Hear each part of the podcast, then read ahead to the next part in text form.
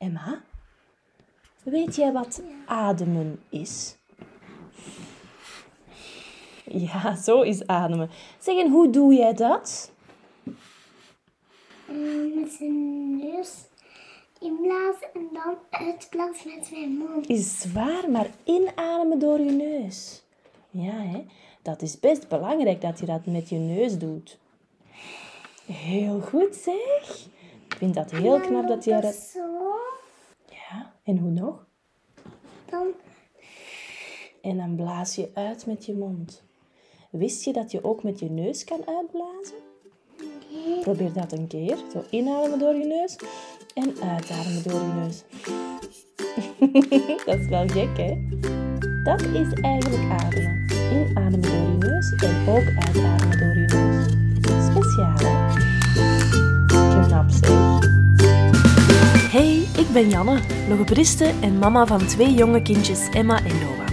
Ik ben hier om jou te vertellen dat de ontwikkeling van kinderen soms heel vanzelfsprekend lijkt, maar zeker niet zo is. Elke maandag ben ik er weer met een nieuwe aflevering rond woordenschat, voorlezen, taalontwikkeling en nog veel meer. Welkom bij de podcast Vanzelfsprekend. Zelfsprekend. Hallo en welkom bij een nieuwe aflevering van Vanzelfsprekend. Ik zit hier vandaag met een nieuwe gast voor mij, Brechtje Hoogmartens, prelogopediste en lactatiekundige. Ze werkt in haar eigen praktijk in Houthalen en helpt onder andere kindjes met afwijkende mondgewoonten, mondmotorische problemen en eet- en drinkproblemen. Welkom Brechtje. Hallo. Is er nog iets dat je wilt toevoegen? Wil je nog iets vertellen over jezelf? Wie ben jij? Wat doe je? Wat drijft je? Vertel Ja. eens. Ehm, allereerst dank u dat ik mocht komen en mijn boodschap mag eh, verspreiden, dat je die helpt verspreiden. Eh, ik ben dus Brechtje en ik ben mama van twee kindjes. Ehm, eentje van zeven en eentje van vier, die bijna vijf is. En dat moet ik er zeker bij vertellen. Ehm, en sinds ik mama ben, ben ik eigenlijk op zoek gegaan naar dingen waar ik nog niet genoeg van wist. Zoals eten en drinken. Iedereen kent het wel, een kind dat dus wat minder eet. Hoe frustrerend dat kan zijn. Dus daar eh, ben ik dan gaan zoeken naar meer informatie. Dan ben ik in het domein van prelogopedie terechtgekomen. Maar ik had ook een kind dat wat afwijkend mondgedrag vertoonde. En ik wist daar niet genoeg van, dus daar ben ik ook naar op zoek gegaan. En zo ben ik bij oromyofunctionele therapie uitgekomen. En daarnaast ook heel veel gaan lezen over eh, ademhaling en wat voor een invloed dat kan hebben op het functioneren en het ontwikkelen van onze kinderen. Ik vind het super interessant, want ademhaling is iets dat we allemaal als vanzelfsprekend Ja. eh, bekijken. Waarom is ademhaling belangrijk? Of hoe zit dat juist in elkaar? Ehm, ik denk dat de meeste mensen denken, we ademen zuurstof in en we ademen ehm, CO2 of ehm, koolstofdioxide uit. En dat is wat de meeste mensen denken. En ik ook tot voordat ik het wist. wat, eh, dus wat de meeste mensen denken is dat CO2 enkel een afvalstof is ehm, van ons lichaam dat we kwijt moeten geraken. Dat is in een zekere zin ook zo. Maar ehm, CO2 is zoveel belangrijker voor ons lichaam ehm, dat we dat eigenlijk ook in balans moeten houden met de zuurstof. Want ehm, het booreffect, ik weet niet of iemand er al ooit van gehoord heeft, maar bij de, meest, de meesten horen het in Keulen donderen. maar dat zegt eigenlijk dat ehm, de zuurstof die we inademen wordt afgegeven tegen CO2. Dus het lichaam heeft ook CO2 nodig om het in te ruilen tegen zuurstof. Eigenlijk, om het even heel gemakkelijk te zeggen. Dus als we te veel eh, CO2 verliezen, door de mond bijvoorbeeld, door het mondademen, dan hebben we ook niks meer om in te ruilen tegen de zuurstof. En dan mag jij zoveel zuurstof inademen, zoveel zuurstofrijk bloed hebben. Als je het niet kan inwisselen, ja, dan, dan heb je er ook niks aan. En dan gaat die zuurstof dus ook niet meer tot de organen geraken of tot de weefsels geraken waar ze moeten eh, zijn. Oké, en dat mondademhalen.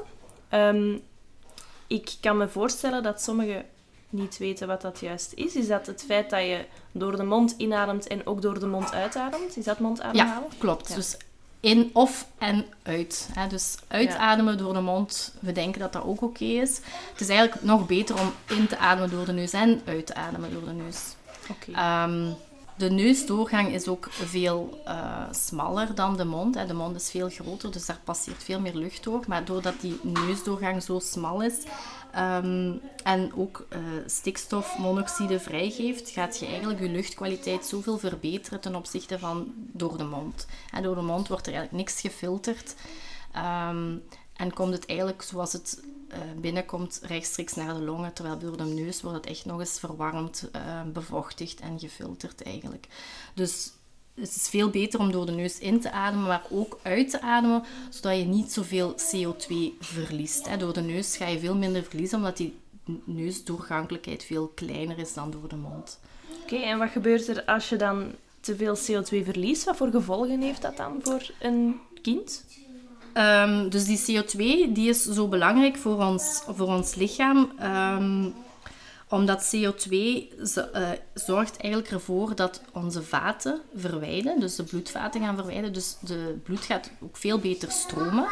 Uh, dus die zuurstof raakt ook veel beter op de plaatsen waar ze moeten zijn. CO2 is ook een kalmerende stof. Hè? Dus als er tekort is aan CO2, raken die zenuwcellen in een staat van opwinding.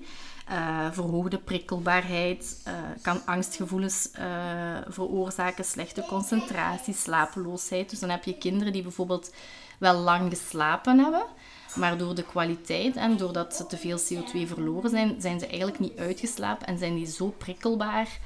Um, een beetje ADHD-kindjes, daar wordt het ook vaak mee um, geassocieerd. Dus heel veel kinderen die het label van ADHD krijgen, zijn soms kinderen die gewoon slecht slapen of slecht ademen.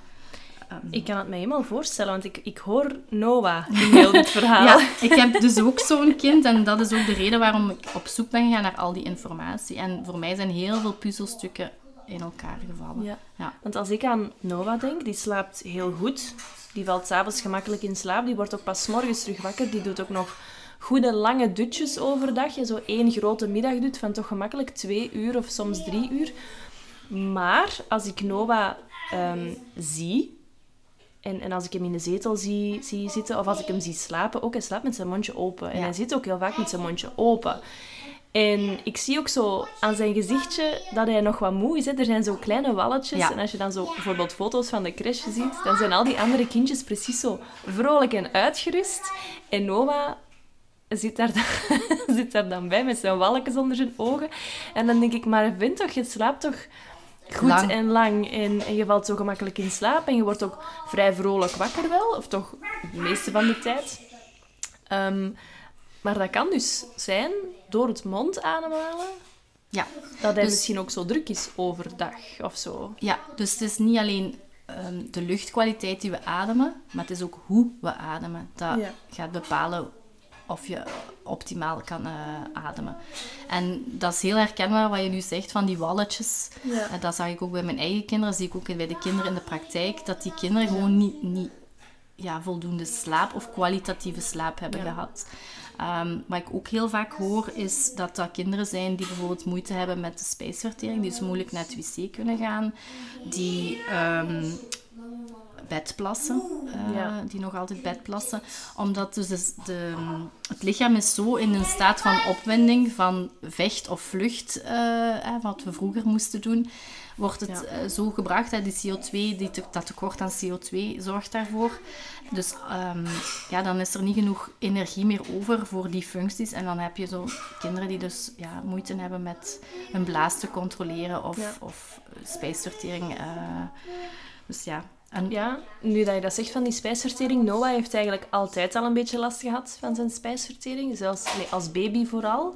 En nu is dat iets beter, um, of ja, ja, bijna opgelost, maar toch heeft hij echt wel nog periodes dat het ook wat moeilijker loopt qua stoelgang en zo. Dus, dus ik vind het wel heel interessant dat het allemaal gelinkt kan zijn ja. aan elkaar. Ja, en die spanning ook. Hè. Dus ja, ja. Als, als je lichaam in staat van spanning blijft en je kunt dat niet, je kunt niet ontspannen. Ja. Uh, dat zijn ook kinderen die heel vaak uh, ja, faalangst uh, hebben of, of ja, heel snel... Ja, angstig zijn. Ja, angstig ja. zijn. Um, er zijn ook kindjes die, die, die gewoon echt flauw vallen, omdat dat de balans niet goed is van de ademhaling. Dus dat ze eigenlijk gewoon die zuurstof die ze wel binnen krijgen, die ze wel binnen ademen of inademen, dat die niet geraakt waar dat ze moeten zijn. Ja. Ja, en dan, Oké. ja, in het slechtste geval heb je kinderen die slaapapneu krijgen. Echt. Dus dat de ademhaling echt gewoon stopt. Ehm, Omdat de ehm, ademhaling is ook de enigste functie in ons lichaam die zowel onwillekeurig als willekeurig gebeurt. En op een bepaald moment, als het zo in onevenwicht is, gaat ons brein zeggen van oké, nu stopt het even, nu gaan we resetten. En dat is een apneu. Oké. Ja. En dan stoppen kindjes echt met... Dat is echt Ademen. een ademstop. Dat is echt ons, ons brein dat zegt, Ja. oké, het ademhalingsstelsel registreert eh, voornamelijk ook die, die CO2-niveaus. Hè? Want ik zeg het, als wij inademen, iedereen gaat ongeveer evenveel zuurstof inademen, maar het is de CO2 die zoveel verschilt. Ja. En als dat niet in balans is, zegt ons brein van, oké, nu moeten we even een stop inlassen. En Ja. is echt een reset. Oké. Is dat gevaarlijk, die slaapapneu? Ja. Allee, klinkt wel gevaarlijk. Gevaarlijk ermee. Ik dat wil niet eh, nodeloos mensen bang maken, maar dat kan... Ja. Ja. Nu, de kindjes van Brechtje zijn er ook bij. Je hoort ze misschien op de achtergrond, misschien niet. We hopen dat het niet te eh, hoorbaar is. Maar kijk, dat heb je met kindjes. Ja. Ehm, ze zijn goed aan het spelen. Dus Ja. dat is super fijn om ook te horen af en toe achter ons dat ze aan het spelen zijn. Ehm, ik wou nog iets zeggen daarnet. Eh, Wat je zei over dat bedplassen. Ja. Ehm, we zijn nu met Noah net begonnen aan heel het zindelijkheidstraject. Dus Noah is nu, is nu twee jaar gepasseerd. Ehm, binnenkort gaat hij naar school, nog een maand of eh, drie, denk ik. Ja, nog drie maanden. Ehm, ondertussen, tegen dat de podcast online komt, is het misschien al maar twee maanden niet meer. Eh, dus daar zijn we mee bezig. Dat loopt momenteel nog helemaal niet goed. Mhm. Dat is nog heel veel plassen op de mat, in de zetel, overal waar je het liever niet hebt. Maar dat is dus ook wel iets om rekening mee te houden dan. Ja. De, ja, het zal ook wel een stukje zijn, omdat je zegt van het is overdag ook nog Ja, eh, ja. moeilijk. Hè? Dus het is Ja, ook een stukje loslaten van kinderen. Dat is iets... Hè? Hetzelfde als met, met eten, dat, dan moet je echt het tempo van je kind volgen. Ja. En als een kind er niet klaar voor is, dan gaat het ook nog niet starten met vaste voeding bijvoorbeeld. Ja. Hetzelfde met, met de potjes eigenlijk, hè. dan moet je echt het kind volgen. Maar het kan ook wel gelinkt worden inderdaad aan ademhaling. Zeker het bedplassen s'nachts. Dus Oké, ik vind het nu al zo, zo, zo interessant. Ik ben heel veel aan het, aan het, aan het leren over, over Noah, denk ik gewoon. Over wat dat hij doet overdag, hoe die, ehm, hoe die ademt. Nu, ehm, nu dat open mondje dat hij Ja. heeft. Eh, want hij, als hij in de zetel zit en hij kijkt naar tv, dan is heel vaak dat mondje open. Als ik Mhm. hem zie slapen, soms is zijn mondje dicht, maar heel vaak is het toch open. Hij slaapt ook heel graag op zijn buik. Ik weet niet wat dat iets te maken heeft met de ademhaling. Goh, ja, je hebt buik- en, en rugslapers. nu op zich maakt dat niet zoveel verschil. Het is vooral die mond inderdaad die gesloten moet Ja. zijn. Dat is ook iets wat ik heel vaak te horen krijg van ja, maar ze ademen wel door de neus, maar de mond Ja. is wel open. Ja. Dat is ook niet goed. Dat is ook Eh, dus de mond die open hangt, zorgt ervoor dat de spieren ook eh, verslappen. Ja. Ehm, en sowieso, ja, het is gewoon gemakkelijker als de mond toch open staat, dat er toch eens door de mond geademd wordt. hè. Ja, ja, oké. Nu zijn er een aantal rode vlaggen waar de ouders op kunnen letten. Zoals bijvoorbeeld dat open mondje tijdens, tijdens spelen of kleuren Ja. of tv kijken of zo. Ehm, ja, sowieso die open mond. ehm, het ademen door de mond ook nog eens. Het hoorbaar ademen. Dus als echt ja, veel lawaai hoort tijdens het ademen. Eigenlijk is de beste ademhaling de ademhaling die je niet ziet en die je niet hoort. Ehm, kinderen die heel vaak een verstopte neus hebben. Ehm, dat is ook een gevolg van ehm, slecht ademen. Want ons lichaam gaat snot of slijmen aanmaken om het verlies aan CO2 te beperken. Oké. Dus het lichaam voelt, er gaat te veel CO2 verloren. Dus we gaan zorgen dat er meer barrière is.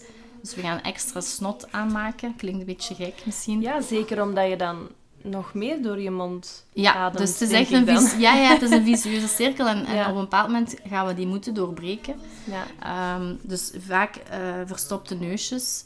Dat heeft ook wel een beetje te maken met, met, met algemeen... eh, als je veel door je mond ademt, dan komt er ook... Dus die, die bacteriën komen gewoon binnen. Dus je lichaam moet daar ook nog eens tegen vechten. Want je hebt die filter niet, hè, dat je Je neus hebt die filter niet, inderdaad. Ehm, kindjes die heel vaak snuiven, hè, snuffen, eh, onregelmatig gaan ademen.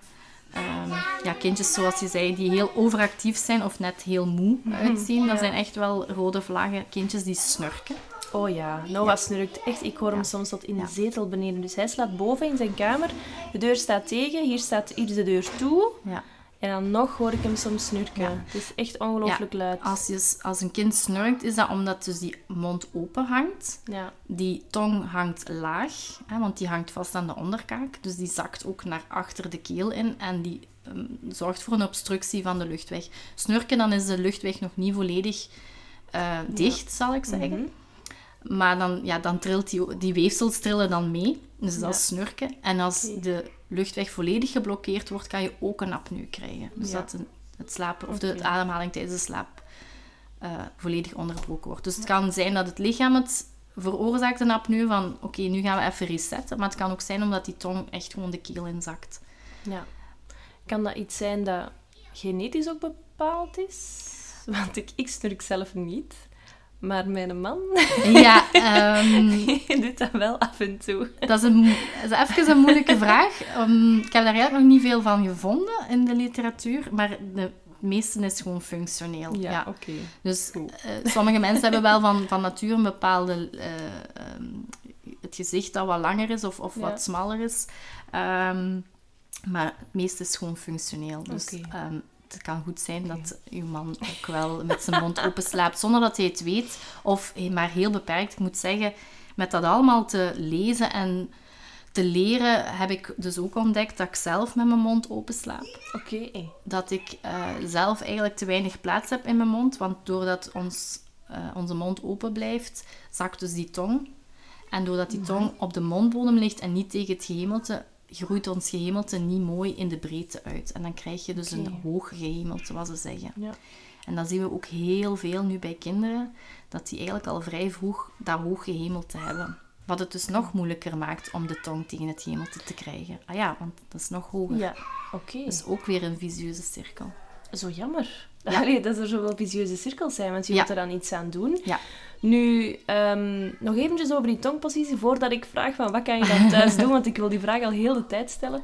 Ehm, een juiste tongpositie, hè, want ik hoor jou zeggen, die tong ligt laag, dat is wat minder goed. Hoe moet die tong eigenlijk liggen? Wat is een juiste tongpositie? optimale positie van de tong is tegen het gehemelte. Dus volledig tegen het gehemelte. Niet alleen het puntje van de tong, maar eigenlijk de hele tong, het tongblad. Ja. Ligt normaal gezien tegen het gehemelte. Er moet er niet tegen geperst worden, maar ligt daar tegen, ligt aangezogen. Dus als je bijvoorbeeld als een paardje klakt, dan dat is de positie. Dus net voor het klakken, als Ja. je die positie even aanhoudt, dat is eigenlijk aangezogen tegen het gehemelte. En iedereen zou dat normaal gezien moeten kunnen. Ehm, maar in sommige gevallen is het moeilijker. Bijvoorbeeld eh, kinderen met een te kort tongriempje. Dan werkt het wat tegen, hè, want het tongriempje trekt naar beneden. Maar ook zij zouden dat in theorie moeten kunnen, met meer Ja. moeite te doen. Maar ook kinderen die hun mond dus open houden, ja, Ja. die gaan waarschijnlijk hun tong ook niet tegen het gehemelte houden, want die wordt naar beneden getrokken door de volledige kaak. Ja. Ja, want Noah klakt wel veel met zijn tong. Ik vind dat heel leuk om te doen. Ja. Ehm, dus hij kan dat wel, maar ja, hij zou het misschien gewoon meer moeten doen. Ja, dan, Het is een, eh, het is een, ja, dat was iemand die binnenkomt. Ehm, dus ik zeg het, quasi iedereen kan dat, Ja. maar het is een gewoonte.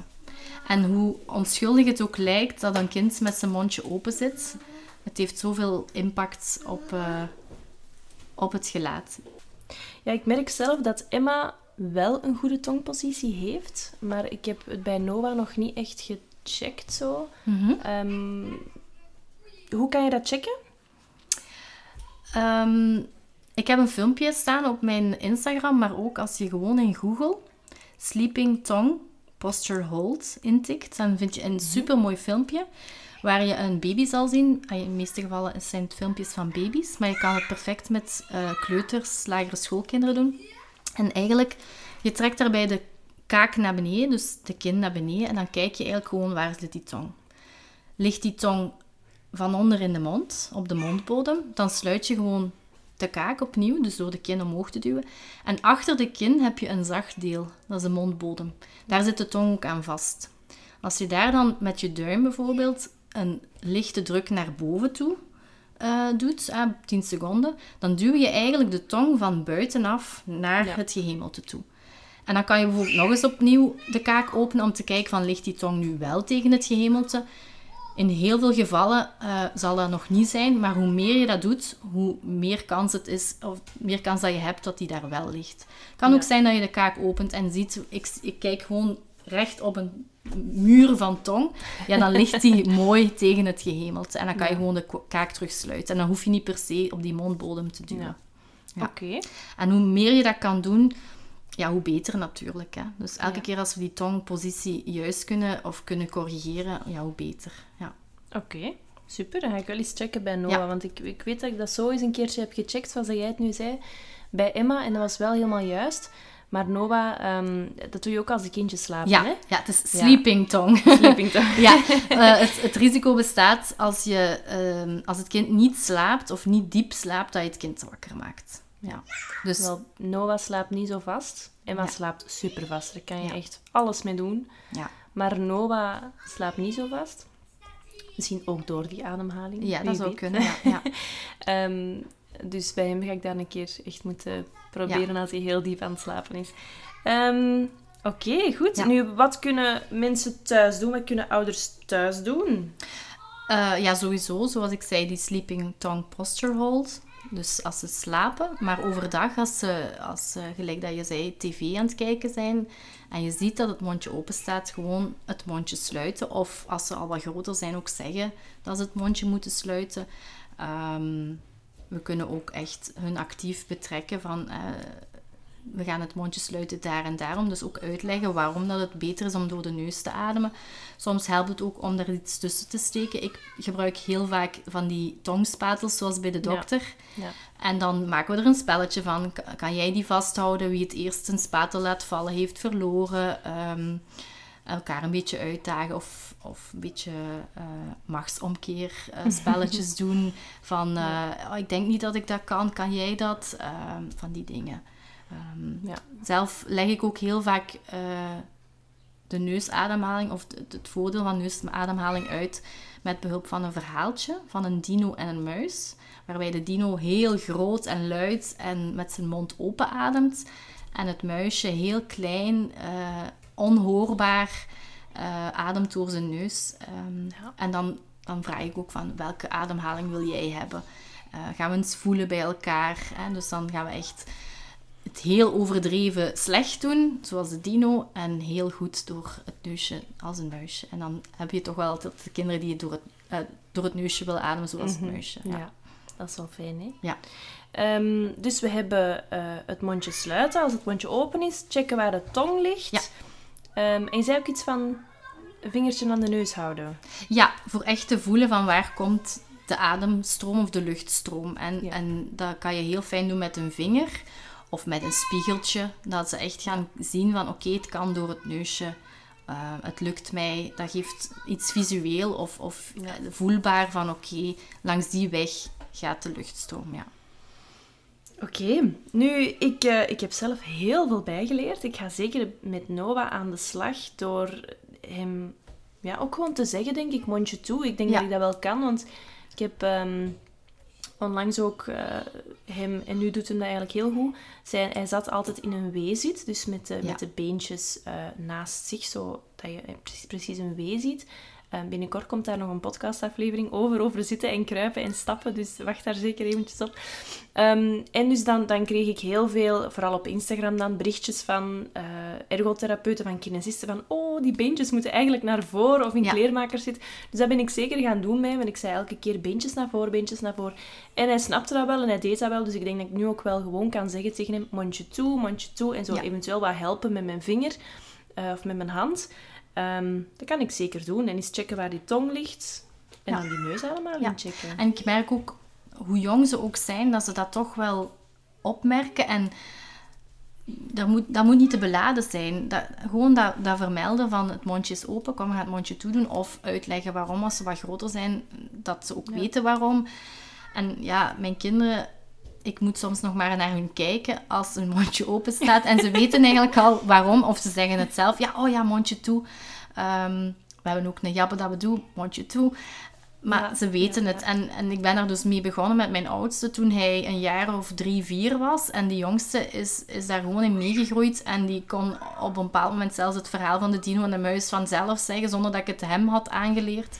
dus zij zijn daar eigenlijk wel ja, heel vatbaar voor. Ja. Oké. Super fijn, hè? Ik Ja. ga er zeker mee aan de slag met Nova. En ik hoop dat er heel veel ouders ook eh, nu al wat meer weten over ademhaling en toch geïnteresseerd zijn om meer Ja. te weten te komen. Waar kunnen ze jou vinden? Ja, ik heb dus een Instagram-kanaal waar ik af en toe wel eens op zit. Niet zoveel als jij. Ehm, eh, ik heb een praktijk in Houthalen. Dus als mensen zeggen, ik wil een afspraak, dan kunnen ze tot Houthalen komen. Ehm, voor de rest heb ik misschien nog wel wat tips naar, naar boeken toe. Ehm, een, een boek wat ik heel graag aanraad, of waar ik ook zelf heel veel aan heb gehad, is Help je kind herademen waar ook een stukje wordt uitgelegd van het belang van ademhaling en vooral dus de neusademhaling, ook de impact die het heeft ehm, op het gelaat, op de ontwikkeling van het gelaat. En ook wat dus de impact is van slechte mondgewolte op het gelaat. En dan het tweede deel van het boek is eigenlijk echt heel praktisch gericht van hoe kun je daarmee aan de slag gaan om de neusademhaling vooral dan ehm, toe te passen. Super fijn. Ja. Goed. Eh, we gaan het zeker allemaal linken hieronder. Ehm, wat is jouw Instagram-naam nu weer? Prelogopedie-brechtje of underscore brechtje. Underscore Ja. Oké, goed. Dan gaan we allemaal een keer daar kijken. Ja. Ehm, en eh, ik ben heel benieuwd wat er nog op jouw Instagram-pagina verschijnt. Ga zeker eens kijken, want ik vind het ook zelf een hele, hele interessante Instagram-pagina. Ehm, goed, ja, alles is hieronder gelinkt. Je vindt ook een artikel van onze podcast op onze website www.detaaltoren.be. Als je deze podcast leuk vond, mag je zeker die vijf sterretjes aanklikken. Zo, kan, zo komt onze podcast hoger in de lijst en kunnen we meer ouders bereiken. Ehm, als je alles graag nog eens terugleest, heb je dan die, eh, dat artikel dat je kan lezen op onze website. En er is ook een download beschikbaar met de drie dingen, de drie tips die je thuis kan doen van Brechtje. Bedankt voor het luisteren. Bedankt Brechtje Graag om langs te komen. En tot volgende keer. Dag!